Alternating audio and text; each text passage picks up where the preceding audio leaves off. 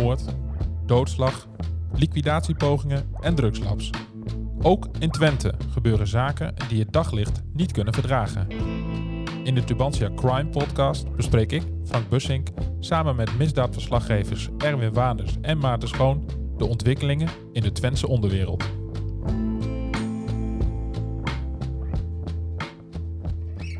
We gaan het vandaag hebben over de rechtszaken tegen kruisboogschutter Kenzo K., de moord in het Schelvospark in Almelo en de kofferbakmoord in Almelo. En leidt een anonieme tipgever naar de vermiste jihad uit Enschede. Dat bespreken we verderop in deze podcast, want we beginnen met de rechtszaak over het drugslab in Vroomshoop. Maarten, jij zat daarbij. Klopt. In totaal waren daar drie zittingsdagen voor nodig, want er waren zes verdachten. En door corona-perikelen uh, liep het een beetje uit elkaar. Maar er waren dus uh, drie dagen. Eén dag uh, was uitgetrokken voor de sportschoolhouder en zijn partner. Ehm, die komen uit Beeserveld en die werden dus verdacht van het ja, ruimte bieden aan het drugslab. Um, hij ontkende dat overigens. Hij zei wel van, ja, ik heb mijn ruimte ter beschikking gesteld, maar ik dacht altijd dat er een hennepkwekerij in zou komen. En niet mm -hmm. dat er een drugslab in zou komen. De politie trof daar op 1 november uh, 2019, 2020. Um, trof ze daar een groot uh, drugslab aan waar crystal meth uh, gemaakt werd. En daar was genoeg grondstof om voor tientallen kilo's crystal meth te maken. Ja, en voor, en voor vervolging, zit er dan een verschil in um, een, een drugslab dat dan een, waar crystal meth wordt gemaakt of waar wietplanten staan? Zit daar nog een verschil in? En wat, ja. wat is dan dat verschil? Nou, het verschil is wel dat je daar op hogere straffen kan rekenen. Dus de, de, de, de straffen die... Um, het Openbaar Ministerie heeft een lijstje eigenlijk van des te zwaarder, des te erger, des te hoger de strafeis. En dan uh, wordt zelfs onderverdeeld in categorie laboratorium. Mm -hmm. uh, des te, dus, uh, dus hoe groter het lab, des te hoger de strafeis. En oh. dit was een groot lab, categorie 3 ja. had de officier het over. Ik weet niet in hoe, of dat in de, de groot, het grootste lab is wat ze hebben. Maar om een voorbeeld te geven, een hennepkwekerij van 200 planten is al een grote hennepkwekerij. Dus dat, uh, ja, het, het, het, is het, het was, het was geen, kleine, geen klein drugslab in dat geval. Nee, nee. Want als je tientallen kilo's aan met kan maken op basis van wat daar al stond in Vroomshoop, dat is echt voor miljoenen euro's aan spul. Mm -hmm. En dat is dan niet voor de Nederlandse markt, maar voor de export. Ja. Dus, uh, nou, en die andere zittingsdagen, um, daar kwamen de verdachten aan bod die volgens het open, Openbaar Ministerie meer bij de productie waren betrokken. Mm -hmm. Ja, en daar, daar werd Spaans gesproken volgens mij, of niet? Ja, er werd zeker Spaans gesproken, want er waren twee mannen uit Mexico. Die zouden de kok zijn, volgens het Openbaar Ministerie. En de reden dat ze in Vroomshoop zijn uh, beland, uh, dat had eigenlijk twee redenen. De eerste reden is dat het uh, te, te, lastig was in Amsterdam. De politie zat ze op de hielen, de organisatie wilde daar weg. Mm -hmm. Dus die zocht een nieuwe plek. Die vonden ze in Vroomshoop, want de sportschoolhouder had geld nodig en had een ruimte beschikbaar, volgens het Openbaar Ministerie. En die had een vrouw die uit Colombia kwam. Dus, dus die mm -hmm. praat vloeiend Spaans. Ja. Dus uit uh, afgetapte gesprekken, um, dat, dat las de officier voor.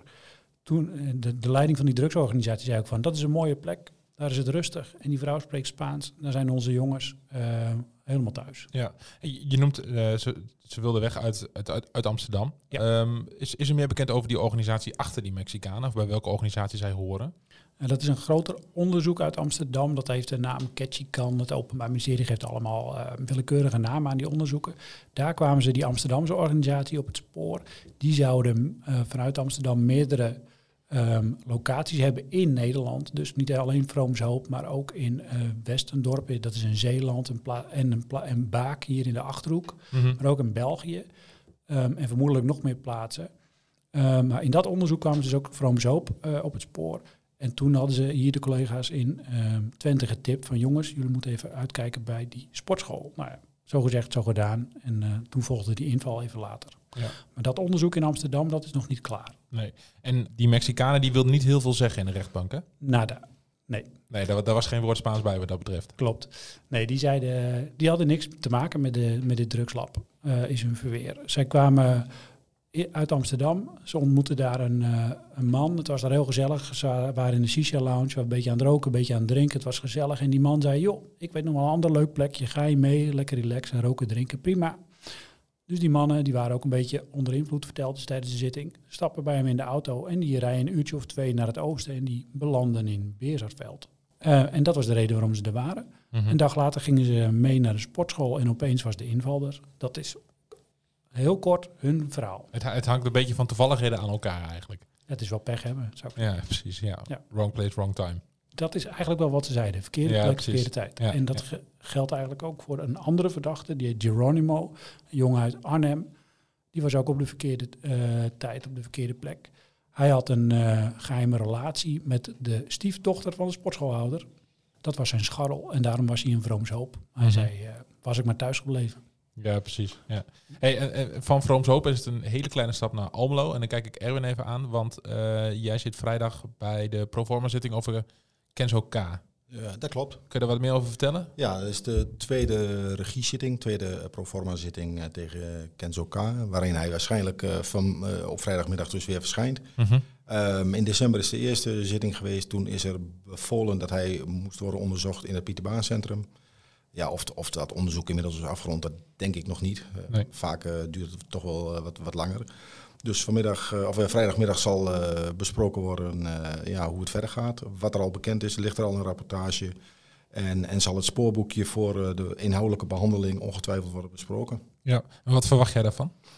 Nou ja, zoals ik net zei, ik, ik denk dat het spoorboekje een beetje wordt, wordt ingevuld. Ehm, er, er zal ongetwijfeld al iets van een rapportage liggen. Of er al een, een volledig rapport ligt, zoals ik zei, dat, dat zal niet het geval zijn. En dan wordt er gewoon gekeken van, eh, ja, eh, wanneer zou hij eventueel eh, voor een inhoudelijke behandeling eh, weer naar de rechtbank moeten komen. En er zal een beslissing worden genomen over zijn, zijn hechtenis. Ja. En wat verwacht jij? Wat, wat gaat de rechtbank zeggen over die hechtenis? Ik, ik, ik gok dat hij langer vast blijft zitten. Ja, deze man komt voorlopig niet vrij. Zeker niet tot aan zijn inhoudelijke behandeling eh, van de zaak. En ja, we kunnen er bijna wel een weddenschap op, op afsluiten dat hij voorlopig sowieso niet buiten is. Nee. Kun je wat zeggen hoe hij erbij zat tijdens de eerste proforma-zitting? Ja, bij de eerste proforma-zitting, kijk, we hebben allemaal de beelden gezien van, eh, van Kenzo K. op het, eh, op het balkon, eh, waar hij met een kruisboog eh, stond, eh, met ontbloot bovenlijf. Mhm. Dan zie je een soort Rambo-achtige figuur. Maar in de, bij de eerste zitting zat hij eh, in het huis van bewaring. En zat hij er echt eh, ja, eh, bij als een, ja, het klinkt misschien gek, maar als een dood vogeltje. De armen langs het lichaam. Eh, hele strakke blik, heel rustig, heel timide. Mhm. En of dat komt omdat hij onder de medicatie zit, hè, dat is eh, de vraag. kunnen. Ja. Maar in, in niets zag je terug wat je eigenlijk op het balkon hebt gezien als een, eh, een doorgedraaide man Ja. die net twee vrouwen schijnt te hebben vermoord. Ja. Dus ja, heel bijzonder. Kun- kunnen we op basis daarvan voorzichtig al iets zeggen over zijn toestand toen? Nou, daar is bij de eerste eh proforma zitting al iets over gezegd. Eh, hij, eh, ten tijde van, eh, van het delict, van de delicten, schijnt hij in een psychose te hebben gezeten.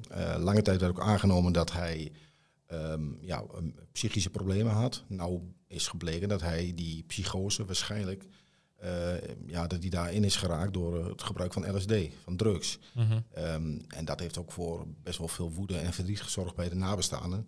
Die hem toch eigenlijk wel eerst hebben gezien als een slachtoffer van het falende zorgsysteem. Eh, en toen duidelijk werd dat hij dus drugs gebruikte en daardoor mogelijk een psychose, eh, in een psychose beland. eh, ja, toen is toch de, de, de blik van de, van de nabestaanden wel, ja, wel wat anders geworden. Ja. Zijn die daar dan ook bij, bij zo'n bij zo'n proforma zitting? Of is dat echt gewoon nog, nog niet relevant genoeg dan? Jawel, jawel, jawel. Ze zijn of ze er vrijdagmiddag bij zijn, is nog even de vraag.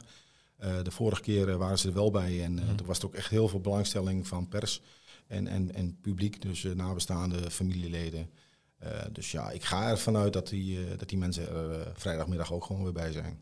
Ja, precies. Ja. En dan zijn er de komende, er komen nog twee belangrijke zaken in Almelo aan bod. Dus niet, dat is niet vrijdagmiddag, maar dat is de komende, komende week. Ehm, onder andere de kofferbakmoord. Al moet ik oppassen met het woord kofferbakmoord, volgens mij. Eh, nou ja, goed. eh, wij hebben het de kofferbakmoord genoemd. Eh, Sandra Rozeman is vermoord aangetroffen in een, in een auto bij het ziekenhuis. En zij lag inderdaad in de, aan de achterkant van de auto. Ehm, dus wij hebben het gemakshalve kofferbakmoord genoemd. Ehm, ja, of zij in, in de auto is vermoord, weten we niet. In ieder geval, komende donderdag staat Floris van V staat, ook in een regiezitting voor de rechter en zal eh, ja, dan zal ook duidelijk worden misschien hoe, het, hoe dat verder gaat, hoe, hoe de, wanneer de inhoudelijke behandeling is. Ligt er een Mhm. rapportage? en wa- wat ten grondslag heeft gelegen aan dit ja, familiedrama, zo lijkt het wel. Ja, want wordt deze Floris net als uh, Kenzo K ook onderzocht op zijn psyche of Ja, niet? ja, hij is ook onderzocht, ehm, of wordt onderzocht. Dat is, dat is nog even onduidelijk.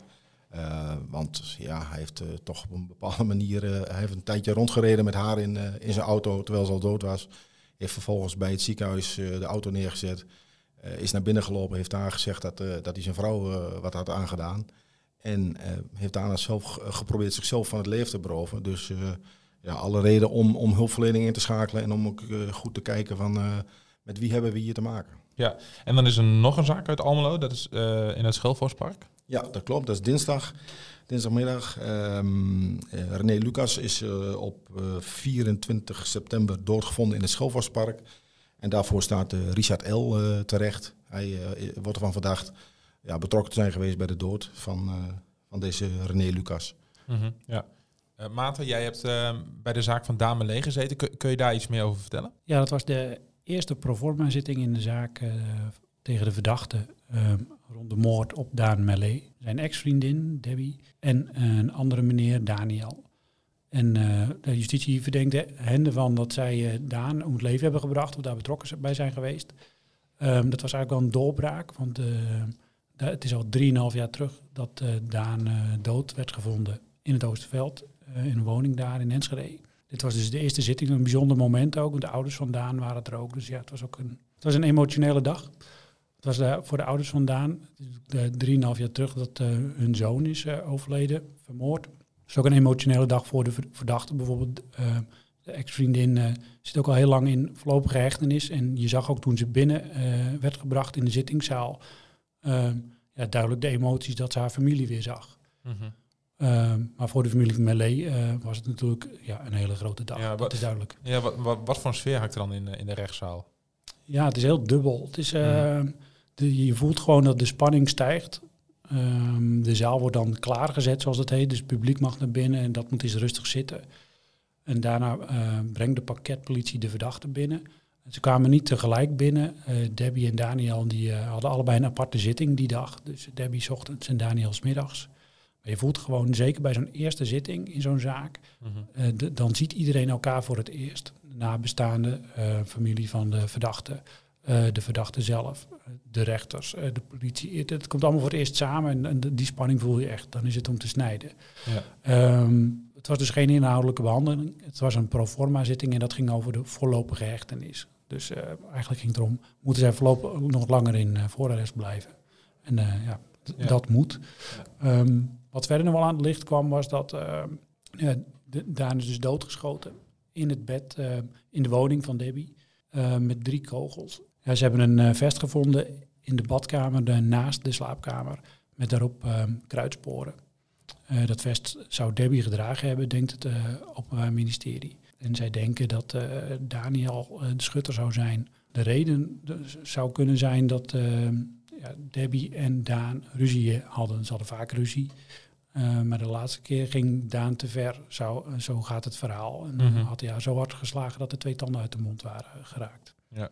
Maar het Openbaar Ministerie, of in ieder geval de officier van Justitie, die vindt eh, Debbie eigenlijk maar dat ze, dat ze een bepaalde rol speelt van de rouwende weduwe, volgens mij. Hè? Klopt, dat zei de officier eigenlijk letterlijk. Want um, de officier zei van, uh, ja, ik zie u nu hier uh, emotioneel uh, zijn en doen.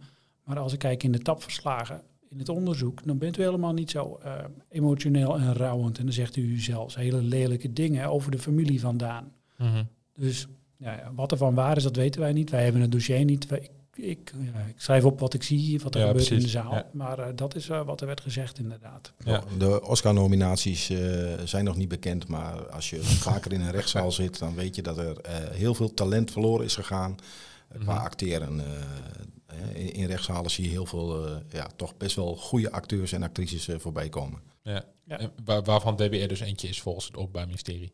Klopt. En er was nog een, uh, um, een belangrijk ding gebeurd tijdens die zaak. Het Openbaar Ministerie had die doorbraak door een anonieme getuige, zegt uh, de advocaat van Daniel. En die anonieme getuige wil niet meer verklaren. En waarom niet? Dat is niet bekend. Eh, die willen alleen verklaren als hij in het beschermde getuigenprogramma wordt opgenomen. En dat gebeurt nu niet. Nee. nee. Dus, dat, eh, dus die verklaring eh, kan, misschien, kan mogelijk niet meer worden gebruikt in deze zaak. Maar hoe dat verder gaat, dat eh, horen we de volgende keer. Ja, precies. En wanneer is die volgende keer? Ehm, over een maandje of drie. Oké, ja, Ja. duurt nog even dus. Ja. En het, het, het feit dat, ehm, ja, dat hij eh, in het getuigenbeschermingsprogramma wil, heeft natuurlijk gewoon te maken met de hele omgeving rondom Daan Melee, zijn vriendin, die Daniel. Eh, dat zijn allemaal mensen die toch wel een, hun, ehm, ja, hun weg weten in het uh, Twentse drugsmilieu. En, en daar zit waarschijnlijk eh, wel de kiem voor, eh, voor de angst Mhm. van, deze, van deze man. Ja, maar heeft de moord, van- dan ga ik misschien iets te ver doordenken hoor, maar heeft de moord van op Daan dan misschien ook weer iets te maken met dat drugsmilieu? Of is dat te ver gedacht? Nou, de speculeren we- zoals we nu weten en, en wat Maarten net ook zegt, heeft het vooral, eh, is het een relationeel verhaal. Ja. Ehm, Daan, dat hebben de ouders van Daan ook meerdere keren gezegd, het was geen makkelijke jongen. Ehm, en in zijn relatie eh, met, eh, met Debbie was hij ook niet altijd de, de ideale partner, om het zo te noemen. En ja, goed. Wat er precies heeft gespeeld, dat gaan we ongetwijfeld nog horen bij de inhoudelijke behandeling. Ja. Maar het is een, eh, een trieste zaak. Dat Ja, is, eh, precies. zeker. Ja. Wat, wat ook een trieste zaak is, is eh, de vermissing van Jihad uit Enschede. Ehm, daar heb jij volgens mij wat meer informatie over, Erwin. Ja, klopt. Ehm, de politie is met man en macht op zoek geweest. En, en misschien nog wel met, met man en macht op zoek naar Jihad uh, Ehm, hij wordt sinds 6 december vermist. Is toen in een, eh, op de verjaardag van zijn van zijn zoon eh, samen met een vriend vertrokken. Is daarna ergens in een auto gestapt. En eh, ja, het laatste levensteken, in ieder geval van zijn telefoon, was in Den Ham. Ehm, nu heb, heb ik daar een maand geleden over geschreven en ik kreeg deze week een, toch een tip die, die ik wil gaan natrekken. Van iemand die zegt in Den Ham iets gezien te hebben en gehoord te hebben. Ehm, ja, wat dusdanig interessant kan zijn, eh, wat mogelijk eh, ja, kan leiden tot ja, nieuw onderzoek. Dan wel, Mhm. eh, misschien wel een oplossing. We gaan het zien. Ja. In ieder geval een hoopvolle tip en die gaan we na. Nou, succes. Dankjewel. Heren, bedankt. Vond je deze aflevering nou leuk? Abonneer je dan op de podcast. En heb je tips of vragen naar aanleiding van deze aflevering? Check dan het mailadres in de beschrijving. Bedankt voor het luisteren en tot de volgende keer.